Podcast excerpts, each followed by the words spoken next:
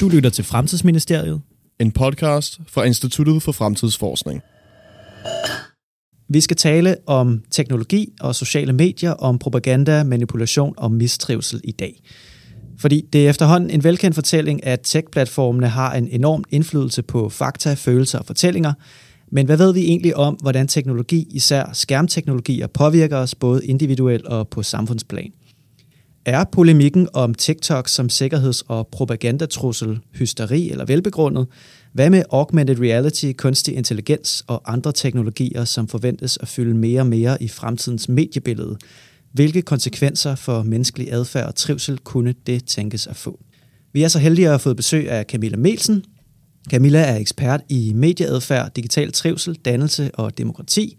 Hun er medlem af Medienævnet og har blandt andet også været talsperson for børns vilkår om digital svigt. Hun er også forfatter til flere bøger om de her emner, blandt andre Sandhedsministeriet fra 2021 og Homo Futura fra 2020. Velkommen til dig, Camilla. Mm, tak skal I have. Og mit navn er Kasper Skov Petersen, og som altid har jeg min medvært August Liljenberg med. Hej hej. Og øh, Camilla, lad os starte sådan lidt overordnet. Øh, hvad er det ved teknologibilledet i dag, øh, som gør, at de her spørgsmål omkring især medieteknologiens mentale påvirkning af os fylder så meget og er blevet så vigtige? Jeg ser, at vi, vi står med et nyt techlash, altså en ny, en ny voksende kritik af, hvordan det er, digitale teknologier øh, påvirker os som samfund, og, og det kræver jo, at vi har nogle, kan man sige, nogle datapunkter, før vi kan tage den type kritik. Det er sådan historien om, at vi er gået fra at være optimister, eller tech-optimister, og har taget internettet til os, og bagefter sociale medier og smartphones osv., ret ukritisk, og, og i særdeleshed ukritisk, når vi ser, ser på børn og unge. Øh, men i det hele tiden har vi jo haft den her teknologibegejstring i mange år, og så sker der jo så nogle, nogle vendepunkter. Øh, der skete jo det store sådan, samfundsvendepunkt fra, kan man sige, fra 2016 og frem med, at vi så, at vi fik, øh, at man kunne bruge sociale medier til at påvirke politiske valg, øh, Brexit, Trump og alt det her, og fake news, og at vi fik de der store sådan, samfunds... Øh, kritik. Altså det var, det var en af de første store techlash, der kom der for, fra, jamen fra 18 og frem. Det var 16, vi så det politiske valg, men så senere så, at vi fandt ud af, at man kan misbruge data og så videre til at manipulere med vælgere og så videre. Og så ser vi her over de senere år, den, altså der var et, også kritik også af, af, også af vores mis, eller mistrivsel også blandt børn og unge, og der har også været løbende kritik af skærmtid og alt det her. Altså det er sådan, den har sådan set hele tiden været der, men det kulminerer nu til et større techlash, øh, fordi vi sådan set ser, at der er en trivselskrise blandt børn og unge. Mm. Ikke kun i Danmark, men også i andre sammenlignelige lande. Og det synes jeg er så vigtigt, så jeg faktisk kastede mig over at skrive en, en bog om det. Så det er det, jeg sidder meget optaget Som er på vej? Som er på vej, Okay, spændende. Ja. Har du en titel? Det, vil, ej, det, har, det skal jeg simpelthen lige have klaret med forlaget nu, men den okay. kommer i starten af, af det nye år. Ja.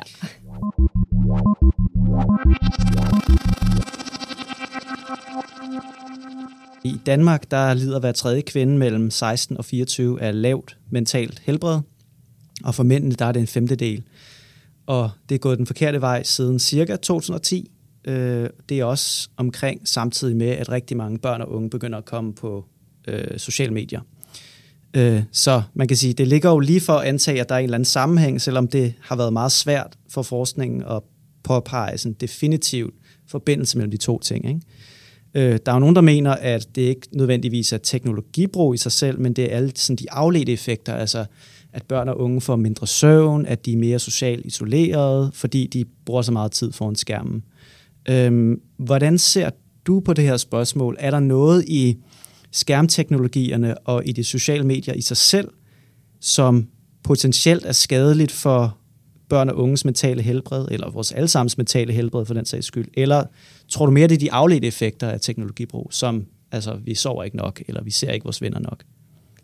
Jeg skældner mellem kan man sige, de direkte negative konsekvenser af, af brug af sociale medier og skærme i det hele taget, og så de, ja, de indirekte konsekvenser man kan sige, de indirekte konsekvenser, det er, det er jo mere sådan, hvad er det egentlig den tid, man nu bruger på skærmene, sociale medier, erstatter? Altså, hvad går det egentlig ud over det? Går det ud over noget, som ellers kunne være fremmende for ens øh, psykiske velbefindende? Kunne det være, at det, at det var rigtig godt for, for det lille barn at have øjenkontakt øh, og udvikle sig på den måde i den fysiske verden? Jamen, det ved vi, det er, det er den måde, som man, man udvikler sig som menneske med det, den fysiske kontakt. Hvis den her skærm står i vejen for det, at det kan være det forældrene, der er meget på skærmen, det kan også være det barnet, der er mange timer på skærmen hver dag, så erstatter den tid jo noget andet. Der er det ikke nødvendigvis skærm i sig selv, altså at der er skadelig, fordi det man ser er, er, går ud over ens trivsel, men det erstatter noget andet vigtigt. Vi kan jo også sige det samme med, med søvn, altså er det, fordi vi bruger, og det, der ved vi, der er faktisk en, en direkte sammenhæng. Det er ikke bare en, en, en, en der er en direkte sammenhæng mellem, mm. altså, hvor meget eller hvor lidt unge sover i dag og, og, og skærmbrug. Og, og der, er så, der kan være en mere direkte konsekvens, det her med, at man ser på sin skærm lige før man sover, der går det faktisk også ind og påvirker negativt, mm. men ellers er det mere den tid, det erstatter. Altså hvis, hvis vi bruger rigtig mange timer på at game eller, eller se serier på, på Netflix og så videre, og sover mindre, så går det ud over vores trivsel. De direkte konsekvenser er, er sådan mere øh, skærmen i sig selv, eller sociale medier i sig selv, øh, som, er, som kan være skadelige. Der, og der er det, det er jo super svært at sådan sige, om det er skadeligt for alle, fordi det, det er jo meget afhængigt af, om, hvem man er, hvad ens alder, og hvad man, hvad man ellers har sådan af, af robusthed, og hvad ens gener i øvrigt. Altså, der, er, der er jo rigtig mange ting, der spiller ind her. Mm. Men, vi, men det er med, at du kan se altså skadeligt indhold, altså billeder, der aldrig forsvinder for dit hoved, kan man sige, skræmmende indhold, at, ja, det er jo indholdet i sig selv, mm. som, som kan være skadelige. Der vi ved også, at, altså, at, at den her øh, sociale sammenligning, der er på, på sociale medier, øh, kan være skadelig for, for, jamen for nogen. Altså det her, i virkeligheden kan det være rigtig dårligt for os alle sammen, det her med, at man føler den her lidt, alle andre har et federe liv end mig, mm. men, men det kan være mere skadeligt for nogen, især hvis du, altså vi kan se, at det rammer pigerne meget mere. Vi ved, at det rammer piger, øh, deres altså, kropstilfredshed, når var glad af for mig selv øh, og min krop, øh, har jeg et godt liv. Det på en eller anden måde rammer pigerne mere, end det rammer drengene. Og det er ikke, fordi det ikke også rammer drengene, det gør det, men der er en, der er en slagside mm. der. Og der er selvfølgelig også, eller ikke, der er jo en slagside i øh, alder. Der er nogle forskere, der har fundet frem til, at der, hvor man kan være særligt sådan, sensitiv over for, for sociale medier, det er, når man går i puberteten. Mm. Altså, så der, der, der er flere ting, der kan spille ind i det her. Hvornår er det, det, det, kan, det kan være skadeligt øh, for det. Så jeg vil sige, ja, mit svar er, at skærme og sociale medier både har direkte konsekvenser, negative konsekvenser og indirekte mm. øh, øh, ja, konsekvenser. Og det er jo ikke sådan, det der gør det mere svært, det er jo, at vi, skal, vi kan jo vi vil så gerne have bare sådan, i, sådan en stor fed konklusion, og som mm. gælder for alle mennesker til alle tider, og det kan vi ikke sige. Mm. Men vi, jeg synes, vi ved mere nu end for bare 10 år siden, og det er også den viden, der gør, at vi begynder at have tjeklas. Vi ved, der er rigtig meget, der skader mm. i i skærmbrug. Øh, hvordan ser du på spørgsmålet om for eksempel stigende diagnoser som ADHD og øget brug af sociale medier som TikTok og Instagram for at lige få sådan virkelig hønen og ægget spørgsmål? Fordi nogle forskere påpeger, at den passive algoritmedrevne oplevelse på TikTok mindsker vores koncentrationsevne og muligvis skaber ADHD-lignende symptomer, men omvendt er der også rigtig meget indhold på TikTok om for eksempel ADHD, som har vist sig at hjælpe børn og unge med at forstå og måske endda opdage en diagnose, de allerede har. Men det er også noget, som er ret kontroversielt, for eksempel fordi det risikerer, at helt almindeligt adfærd bliver sygeliggjort. Hvordan ser du på det her? Jeg ser sociale medier som, som et tvækket svær. Og det er rigtigt, at når vi ser på diagnoser, så kan der være noget Altså, noget positivt ved brug af sociale medier, det er med, at du kan få altså, aftabuiseret noget, altså du ikke føler dig forkert, du ved, okay, der er andre, der, der også har det ligesom mig, og kan finde nogle fællesskaber i det. Det kan være rigtig, rigtig få, øh, altså positivt, hvis du, kan man sige, er marginaliseret, eller hvis du, hvis du, hvis du har en diagnose. Der kan selvfølgelig også være noget, et overfokus på det her med diagnoser, når så tror vi alle sammen, vi måske har en eller anden, altså sådan selvdiagnostisering mm. øh, kan, være, kan være et problem øh, i det. jeg kan ikke, jeg ved, jeg kan ikke sige noget specifikt om, sådan, om, om, om sammenhængen mellem øh, ADHD og, og, og brug af sociale medier øh, i det hele taget, men jeg vil da pege på, at der er at, det, at der er i hvert fald nogle andre lidelser, jeg heller, der er mere oplagte, altså at, hvor, hvor sociale medier kan være skadelige, mm. og det kunne være spiseforstyrrelser. Okay. Altså, der, eller øh, ensomhed. Eller, Angst og og, og, depression. angst, ja. Og, Ja. Altså, der, der, angst ligger jo sådan set ligger lidt, også lidt til grund bag flere af de her der, sådan, diagnoser og de her lidelser, at, at der, vi ser jo flere spiseforstyrrelser i dag. Vi ved, at der er nogle perfekte kropsidealer øh, på sociale medier. Vi ved også, at der er nogle algoritmer, der, der, der forstærker det her med, at du kan komme i et, et kaninhul, om det kan være overdrevet træning, eller, eller sultalgoritmer, eller slankekursalgoritmer osv., ikke? Som, som forstærker dig og, fører dig en, og normaliserer noget og får dig i en forkert retning. Men lige med ADHD, der er, det, det skal jeg ikke kunne sige, men jeg vil så sige, at det her med opmærksomhed er jeg rigtig, rigtig optaget af. Og nu er det mere sådan vores allesammens opmærksomhed, og det er jo fordi sociale medier og også gratis øh, digitale spil og, og søgemaskiner osv. er jo baseret på øh, en opmærksomhedsøkonomi. Så vi sådan set, vi har, vi har også en opmærksomhedskrise, hvis vi nu skal blive i de her, de her store kriser, men det har vi, fordi det, vi ved, at vores koncentrationsevne den er faldende, og det, det bliver sværere og sværere at holde fokus. Og der er nogle store kræfter, det er ikke bare fordi, vi ikke har viljestyrke nok, og vi har det nogle gange med at, med at gøre det til et individuelt problem. Det er et systemisk problem. Vi har en opmærksomhedskrise, og det, øh, det bekymrer mig. Hvad det betyder for specifikt ADHD, øh, det, det skal jeg ikke kunne sige, om der er en stigning i det eller noget, men, men, men vi skal tage den her opmærksomhedskrise alvorligt.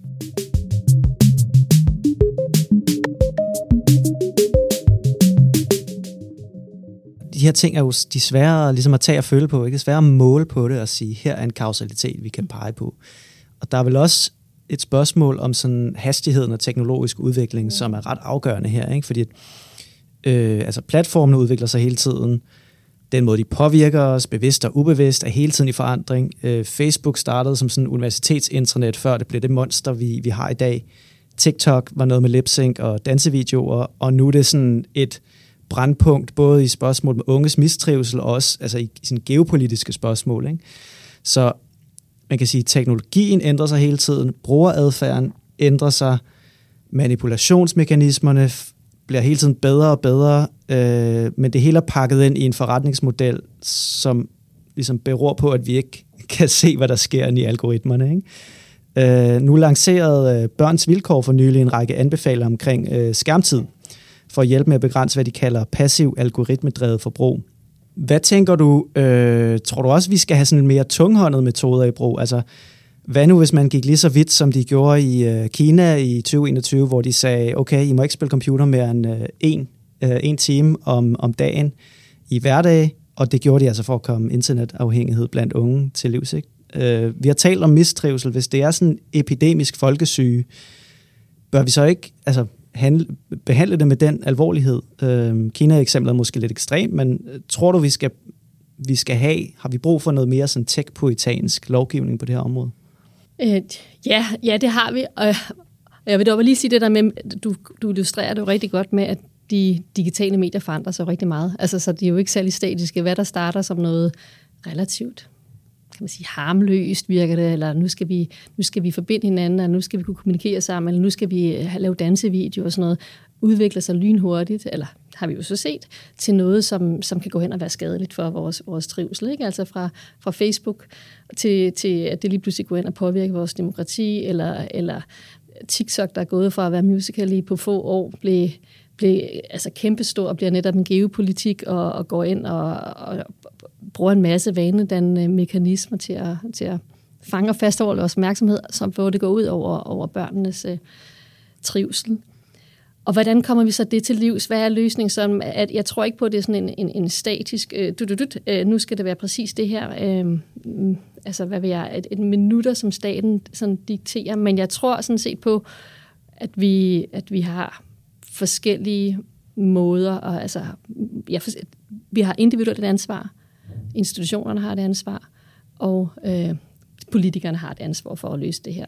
Det er også noget, som Vincent Hendricks og jeg beskriver i, i Sandhedsministeriet, at det er, det er ikke nok at bare sige, at øh, forældrene skal fikse det her.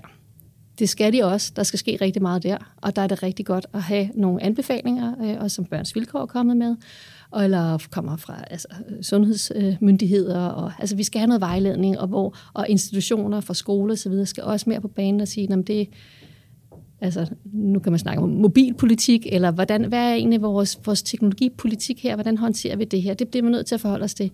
Samtidig så, så er der jo det med det politiske ansvar. Det er jo heldigvis et område, hvor der sker rigtig meget nu. Altså fra at der nærmest ikke kan ske noget som helst i overvis, så sker der rigtig meget i EU. Der kommer masser af lovforslag mm. også i, i USA og andre steder, for at uh, prøve at beskytte børn og unge bedre, når de er uh, på digitale medier.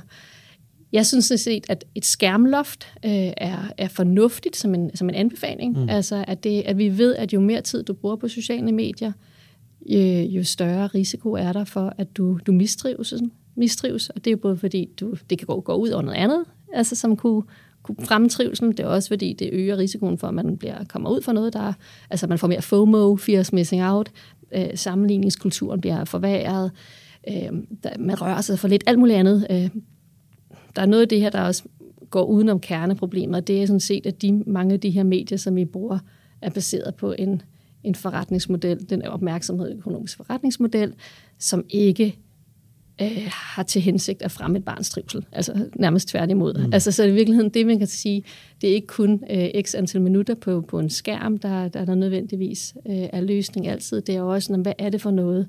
Er det netop nogle algoritmebaserede øh, øh, TikTok, kan man sige, mm. øh, fra 8 års alderen. Øh, altså, ja.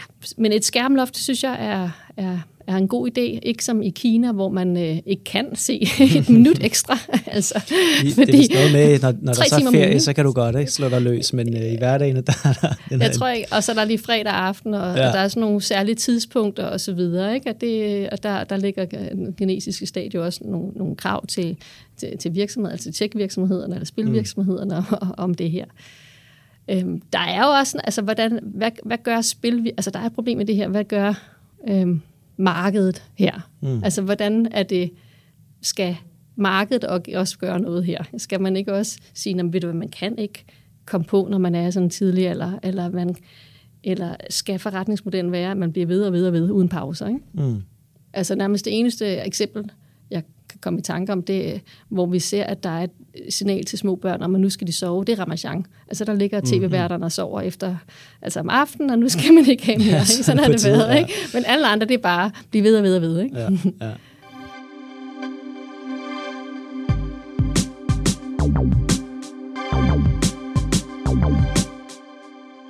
Flere og flere unge får deres nyheder på TikTok. For eksempel influencer som Dylan Page eller News Daddy, mm. som man kalder sig selv. En 24-årig englænder, hvis videoer bliver set af omkring 350 millioner mennesker hver måned. Han ser ikke sig selv som en journalist, men en content creator. En, der prøver at holde din opmærksomhed længst muligt. Og det er ikke kun de helt unge. Et studie fra Pew Research fandt, at i USA var halvdelen af dem, som får deres nyheder igennem TikTok, i aldersgruppen fra 18 til 30 år gammel. Så for at sætte det lidt på spidsen, kan man sige, at den totale nedbrydning af gatekeepers, som engang var det store løfte ved internettet, har givet os News Daddy. Bør man gå ind og lovgive og måske lukke sådan noget her ned, eller, eller hvad? Jeg er faktisk meget optaget af den trend, som, som okay. Daddy øh, sådan står for, synes jeg. Altså det her med, jeg kalder det en nyhedsinfluencer, at vi ser flere og flere, ja, ja, mennesker og medier, kan man sige. Mm. Vi ser flere og flere sådan store profiler øh, formidle øh, nyheder, øh, også til, ja, særligt øh, til unge. Og det, det er jo ikke, jeg kan ikke rigtig se, at man skulle gå ind som som, vi er som stat og sige, at det, det må man ikke. Øh, jeg synes godt, man kan gå ind og sige, at man skal have en vis alder for, at man overhovedet er på TikTok og, og så videre. Alt det andet, vi snakker om nu. Mm. Men fænomenet af nyhedsinfluencer som sådan, øh, synes jeg er interessant. Der er masser af bagsider i det også. Men, men det her, hvis jeg skal tage et brugerperspektiv på det, at man kan få nogle, få nogle nyheder serveret på en anden måde, og, og i hvert fald også til nogen, som måske i mig, eller ellers ikke ville have fået de nyheder. Det synes jeg faktisk ikke er en dårlig ting. Vi snakker om, at der også er den her nyhedstræthed. Der er rigtig mange, der, der, der ikke overgår nyhederne, de traditionelle øh, nyheder, og, og vælger dem fra. Og det, derfor er sådan nogle nyhedsinfluencer, som ham her, Dylan Page, Mr. News Daddy, altså sådan en, der, hvad kan vi lære af det? Altså, der er også, jeg synes også interessant, der er mange, der, der også får internationale nyheder. Altså, han, der er selvfølgelig, det problemet i det er, at det er jo ikke, han er ikke journalist, der er ikke, øh, hvem er den ansvarshavende redaktør i det her? Øh, hvordan kan vi vide, at det ikke er fake, det her? Altså, Der er hvad med misinformation? Præcis, det er ikke verificeret. Altså, der er alle mulige øh, publicistiske problemer med, med News Daddy. Men, men der kan, jeg tror ikke på, at vi sådan bare skal sige, at det må vi lukke, og det skal børn ikke se, eller det skal unge ikke se, og det skal voksne ikke, og det, fordi vi kommer til at se mere af det. Jeg ser også sådan set den tendens nu blandt de etablerede medier, journalisterne, værterne, øh, de bliver også en slags influencer. Altså, de begynder også at øh, have profiler på sociale medier, og, og hvor de kommer tættere på, på, ja, på deres læsere, eller lytter, eller seere osv., og, og øh, altså, vi kan tage Rasmus Tandholt på Instagram som en, en, en, en, altså en velrenommeret øh, krigskorrespondent, men der er også bruger sociale medier til at, det kan være, at det handler lidt om hans eget liv, men det kan også være, at det handler om, at uh, Zelensky er i Danmark. Mm. Det er jo også en, et eksempel på en nyhedsinfluencer med virkeligheden, ikke? som vi kommer til at se mere fra. Vi vil også kunne se, at der er nogle journalister og værter, der vælger at kan man sige, springe ud, altså forlade, den, øh, forlade medier, traditionelle medier for os selv at blive, blive altså have deres eget medie. Øh, Vi ser det jo også med Peter Faltoft og Esben Bjerre, der er startet Her går det godt. Der også laver nyheder på en mere sådan underholdende måde, og også har YouTube-kanal og så videre, som jo, de bruger så i højere grad journalist, altså journalistisk metode til mm. det. Så jeg tror, vi kommer til at se mere og mere af den her øh, ja, tendens. John Stewarts Daily Show, som jeg så meget, da jeg var teenager, altså, det var jo nyheder serveret som comedy-format. Okay, men er det virkelig det samme? Som News Daddy? Jeg har ikke set Som News News Daddy, Daddy, så okay, du jeg, har ikke ikke, set øh. Okay. Jeg har set det, du viste mig, men øh, jeg er ikke helt inde under øh. Nej, det lyder, synes du det er mere, okay, er du mere sådan skrabt over, du skal sige? Jeg er mere skrabt over News Daddy. Jeg synes ikke, det, altså, det er jo, jeg vil kalde på engelsk, complete sensationalistic Ja, headlines. Man ved ikke, hvorfor han har valgt de her forskellige historier, Nej, som nej. han har valgt. Og øhm, han havde en interview med ITV News i England, jeg tror, det anden største efter BBC i England, hvor han synes, at øh, ITV havde sådan lavet et portræt af ham, som var ret negativt. Og øhm, alle kommentarer på den video af New, fra News Daddy var sådan, okay, down, down with traditional media forms, long live daddy, you know? Så der var også en eller anden sådan anti-mainstream media discourse bag ved Ja. det, som gav mig nogen sådan øh, minder tilbage fra 2016, som gav dårlig smag i munden. Ja, og den, den bekymring deler jeg også, den her hele øh, anti-establishment, øh, altså den her modstand. Men vi, vi bliver også nødt til at prøve at forstå den og, og lytte til den, og sådan også, hvad kan vi lære af det? Fordi jeg tror, vi kommer til at se endnu mere af det. Og det her med, jeg, jeg er optaget af den her nyheds træthed, altså at man bare lukker ned for nyheder, der er nogen, der slet ikke, fordi det, det, har, det er vigtigt det er også for vores demokrati, at man, Ja. man, man får nogle nyheder, og derfor kan man sige, "Nå, men er det bedre, at man så bare får, øh, altså hvis du ikke får nogen nyheder, eller du får en news story, daddy, hvad vi vælger vi så her? Ja. Og, det, og det er der, hvor jeg så tænker, hmm, måske er det i hvert fald godt, der, der er nogen, man kan få nyheder på på en lidt mere underholdende øh, måde øh, end andre. Og der er klart, hvad vil han så bruge den her magt til? Han har 10 millioner følgere snart, eller sådan noget deromkring. Og KSI er efter øh, sine den, den eneste den eneste KSI, den her store øh, Ja, britiske YouTuber. britiske YouTuber, ja. der også står bag Prime, øh. Han følger News Daddy som den eneste på TikTok, tror jeg nok. Ja. Det var i hvert fald det, der var den store historie. Ikke? Det kan være, han har fået flere siden. Men, men det her influencer-fænomen, det, det, kan man igen, det er også et tvækket svært, fordi det er der, altså vi kan lære noget med den mere personlige formidling og kommunikation og nyheds, ja. Men, men publicistisk kan man da godt øh, korse sig lidt også. Hvad med, altså en ting er de unge, som ser News Daddy, okay. Hvad med de ældre, fordi at øh, dengang fake news fyld, fyldte rigtig meget i nyhedscyklusen omkring valget i USA osv. Jamen der blev der jo lavet undersøgelser, der viste, at det er faktisk øh, det er de 65 plus årige, som deler fake news på Facebook. Det er ikke de unge. Øhm, de unge, som du har fortalt, har man jo nogle værktøjer til at nå. Man kan gå ud i skolerne, og man kan anbefale forældre at gøre sådan og sådan. Hvordan når man de 65 plus årige der sidder og deler øh, Infowars øh, artikler til hinanden på, på Facebook? Hvordan når man dem? ja, hvordan når man dem? Det er jo rigtig nok i en digital tidsalder, har vi det med at sådan altid pege, pege på, at det, det, er de, det, det er de unge, og det er børnene, og det er dem, der skal gøre noget og lære noget osv., men, men i virkeligheden er det jo os alle sammen, der sådan er, er digitalt nyfødte, og måske især de ældste generationer. Og, og det, der, der er selvfølgelig hele misinformationsproblemet. Der er også den her, altså den digitale dannelse, hvordan, øh, altså, hvordan taler vi ordentligt til hinanden, og hvordan er det, hvad er det for noget, man deler osv. Der ved vi også, hvem at der spreder rigtig meget. Altså hadefuld tale og sådan noget, men det kan også sagtens være de ældre, de ældste mm. på, på, på Facebook, der gør det. Det viser sådan set, at den her, altså livslang læring bliver vigtigere. Altså der er noget, vi alle sammen skal, skal lære her. Der skal også være kurser til dem. Der skal også være altså, mulighed for at få, få altså digital dannelse er vigtig for os alle sammen. Vigtig for alle generationer. Mm. Og nogle måske lidt mere end andre.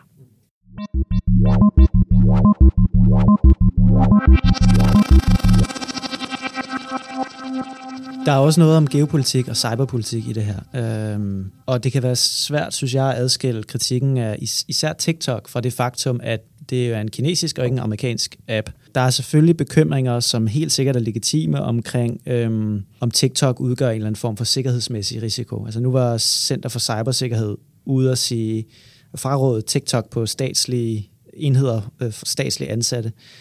Øh, men sådan længere ude på overdrevet har vi de her mistanker om, at TikTok det er sådan en kinesisk skygge, skyggeoperation, der har til formål at manipulere os og og så propaganda blandt øh, vestlige børn og unge osv. Hvis man skal være lidt kynisk, så kan man sige, ja ja, i 2020, der var det russisk propaganda og troldefarm, nu er det kinesisk sindelagskontrol, og i morgen er det sikkert noget tredje. Ikke? Er der ikke et element af hysteri i, i det her, især reaktioner på TikTok, når vi ved, at det mere eller mindre er samme form for dataindsamling, de laver, som, som Instagram og de andre amerikansk ejede øh, sociale medie-apps gør? Ja, og jeg vil, nej, jeg vil ikke kalde det hysteri. Det, som har undret mig rigtig meget i det, hele debatten om, om, om TikTok, det er, at, at når, vi, når der kommer de her bekymringer om, hvordan der data er brugt, og nu må staten sige, at det ikke øh, have TikTok og så videre, der har det faktisk slået mig om, hvorfor siger vi så ikke noget om til, til dem, der bruger TikTok aller, allermest? Altså, det vil sige mindreårige danske børn. Altså, de bruger alt andet lige endnu mere tid på, på TikTok end en, øh, en 40-årig embedsmand eller kvinde. Der, altså, du ved, den, igen, der er det, vi tager sådan det der, det, det geopolitiske, kan man sige, som det allerførste, men, men, men børnenes uh, data, om den er, dem er, det er vi lidt mere ligeglade med. Så hvis det er så stor en bekymring, hvorfor kommer man så ikke ud og fremråder alle danske forældre til at sige, prøv her, jeres børn skal slet ikke være der. Det har vi ikke hørt endnu. Mm. Så den, den starter jo med statssikkerheden, og så, så på et eller andet tidspunkt, så, så når den måske over til børnenes mm. uh, sikkerhed. Vi skal også være kritiske over for, for Instagram og for, for de andre sociale medier, og fordi det er kinesisk, er det så værre, end hvis det kommer fra Silicon Valley. Potentielt ja, det kan jo godt være værre, altså, fordi vi ved det ikke. Vi ved, altså, det er jo det, vi ved jo sådan set ikke, hvordan de her data kan bruges og misbruges. Så der er selvfølgelig noget, hvor, vi, hvor det skaber større utryghed, at det er et, øh, et kinesisk øh, øh firma, der, og, og stat, mm. ikke mindst, der står bag. Hvis vi ser på sådan, ja, den potentielle skadelighed for, for børn og unge, der har, vi været, der har det været ude at sige Tristan Harris, som, øh, som står bag det her uh, Center for Humane uh, Technology. Jeg mødte ham til en konference i ja, i Silicon Valley, uh, og han har været ude flere gange og snakket om, at TikTok er ligesom uh, den her opium-version, og de kinesiske børn får så spinat-versionen. og der er jo noget om snakken. Det mm. er der. Men vi kan jo ikke sådan sige, at det, er det en konspirationsteori at sige det her, eller, eller er det virkelig, altså er det et motiv for den kinesiske stat, at, at, at vestlige børn, de skal blive til sådan nogle, de skal se en flere timers junk hver eneste dag? Det ved jeg simpelthen ikke. Det ved jeg ikke, men jeg kan da konstatere, at, det, at, at der er mange børn og unge, der bruger alt for meget tid på på TikTok, hvor det, hvor det ikke gavner den. Jeg kan huske, jeg lavede en fokusgruppe interview med, det var så gymnasieelever, jeg var lavet, lave en undersøgelse om influencer og unge, og der var TikTok lige blevet kæmpestort blandt de unge. Det var børnene, der kom på først, og så kom de, de danske unge først bagefter. Og så sagde han, at forleden dag, der brugte jeg 11 timer på TikTok på en dag. Hold da kæft. Og der kan vi godt sige, at det, det er jo for meget, ja.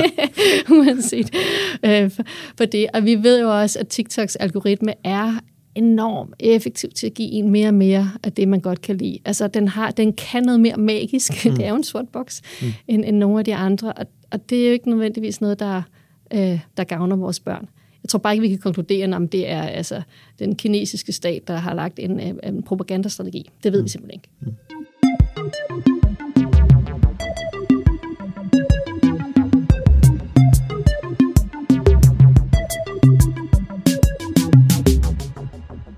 Godt, lad os bevæge os lidt mere ud af det spekulative spor her til sidst, øh, fordi den teknologiske udvikling stopper selvfølgelig ikke med TikTok og med smartphones. Tværtimod kan vi forvente, at øh, ting som augmented reality og sammensmeltning mellem det fysiske og det virtuelle, det er i større og større grad at blive en realitet i fremtiden. Og måske vil sociale medier, øh, som vi kender dem i dag, slet ikke være skærmbaseret, men udspille sig i sådan 3D-verdener, i sådan nogle øh, computerspilslignende persistent worlds. Hvad kunne du så se som nogle mulige konsekvenser af, af det her? Øh, hvordan kommer de her nye medieteknologier, for eksempel augmented reality, virtual reality, måske artificial intelligence, til at påvirke os? Sådan, kan du, ser du nogle mulige spor der? Det er et meget bredt spørgsmål, men altså, hvis vi nu taler om for eksempel trivsel eller mental velvære. Yes. Jamen, jeg ser jo også, at de, de her teknologier, de de, de vil vinde frem. Altså det er jo stadig med at knække den der, jamen, hvad så forretningsmodellen i, ja, fra metaverset og så videre, hvordan er det, det kommer til at, og, og hvordan bliver virtual reality den, den store øh, læringsrevolution. Alle de her ting, der vi, vi har jo ikke sådan helt sådan set endnu, hvordan det går ind og er så indgribende, sådan som vi har oplevet det med, med de andre øh, digitale teknologier. Det, jeg, altså, som jeg synes er ja, igen bekymrende, igen, hvad er forretningsmodellerne i det her? Kommer det alt andet lige til at betyde, at vi skal måles og vejes og trackes endnu mere end tidligere? Er det det, der er forretningsmodellen? Der er jo nogle af de problemer, vi allerede har set med sociale medier om, om digitale krænkelser, øh, overgrebsmateriale osv. Nogle af de ting, hvordan bliver det løst? Mm. Altså, har vi, er vi, jeg tror, vi, vi er rigtig gode som mennesker til, og, og som virksomheder til at se sådan, mulighederne i, at det her det kunne blive fedt, men hvad med skyggesiderne? Mm. Vi har jo en masse erfaringer nu og viden om, okay, det skulle blive så fantastisk med internet og sociale medier, men der kom en rigtig mange skyggesider med. Kan vi så, jeg håber, at vi kan, vi kan få dæmmet op, altså lave, gøre det sikkert. Men jeg har ikke rigtig set så mange tegn på, at den, den næste revolution, det bliver en sikker revolution for, og tryg revolution for os andre. Og det bliver måske nok ikke en teknologisk løsning på de her sociale problemer, vel? Altså det skal nok komme et andet sted fra. Ja, formentlig. Ja. Det her spørgsmål kan godt være, at det falder lidt uden for de sådan, interesseområde, men jeg kunne godt tænke mig at høre, hvad, hvad, du, hvad du tror. Altså, hvor langt kan det her gå, hvis vi nu taler virtual reality for eksempel? Fordi jeg havde en diskussion med en kollega forleden om den her idé om VR-turisme. Altså, vil vi nogensinde tage til New York eller til pyramiderne inden i et headset, frem for at købe en billet og sætte os ombord på en flyver og så flyve derned? Ikke? Jeg, jeg tror personligt ikke på det. Jeg tror aldrig, jeg vil, selv vil gide at gøre det. Men jeg kan måske godt se nogle nischer eller nogle scenarier, hvor det kunne blive relevant. For eksempel, hvis man ikke selv er i stand til at rejse, eller hvis der kommer et eller andet globalt flyforbud i sådan en klimadystopisk fremtid, eller jeg tror lidt, det er en misforståelse, det der med, at det virtuelle kan gå ind og erstatte det fysiske. Det kan måske supplere det, men erstatte det, det, det er svært, tror jeg.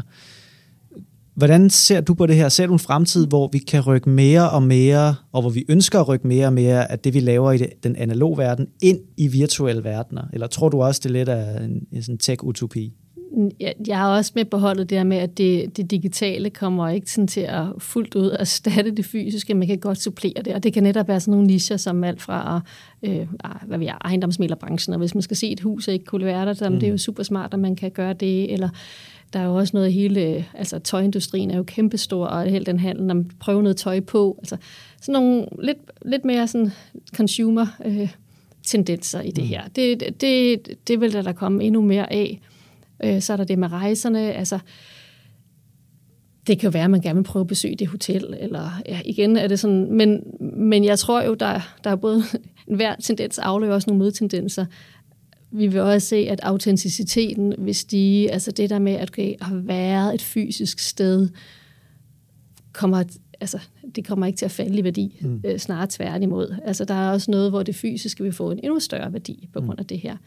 Så jeg tænker da, at det kommer, det, det, de, det kommer til at være et supplement, jeg tror især også, altså det har man jo snakket om i så mange år med, med læring, altså inden for uddannelses øh, og på verden, kan man bruge nogle af de teknologier her, øh, og det kan man, det gør man allerede i dag, men det vil man gøre endnu mere. Jeg tror bare, at den store revolution har vi ikke set endnu, men det er jo mm. det der med, om kan man besøge en, altså nu siger jeg alt fra en flygtningelejr til, at man kan være i et laboratorium, hvor man prøver noget via. Eller, altså, mm. Der er jo nogle forskellige måder, man kan bruge ja, virtual reality på. Det vil da også vende frem. Men, men igen, det tror jeg ikke erstatter øh, det fysiske. Mm. I din bog Homo Futura i 2020 giver du din bud på, hvilke kompetencer, der bliver værdifulde i en verden med kunstig intelligens.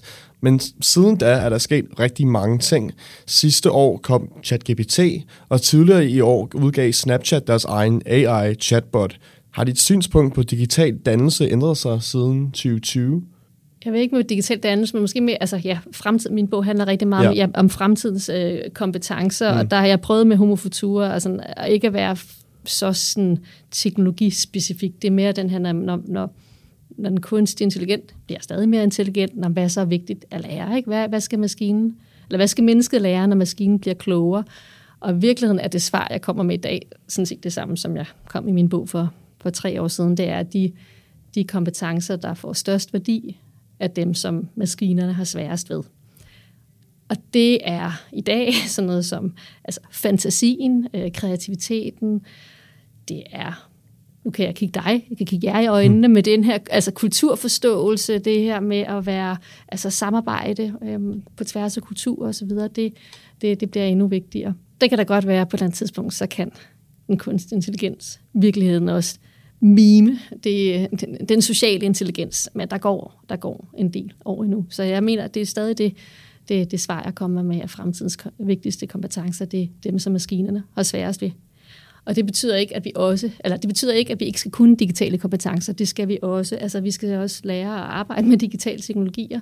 Men der er sådan en tendens til, at når vi øh, når der kommer ja, ChatGPT, andre digitale teknologier, jamen, så, øh, så har vi det med at vægte de teknologiske kompetencer højst, og nedtone de menneskelige kompetencer. Og det er sådan set det modsvar, jeg kommer med, at vi, mm. det kommer nærmest til at, altså den teknologiske udvikling kommer til at aktualisere nogle menneskelige kompetencer, som vi ikke skal glemme. Godt. Camilla, tusind tak, fordi du kom og gæstede programmet. Det var en fornøjelse at tale med dig. Tak, fordi jeg måtte være her.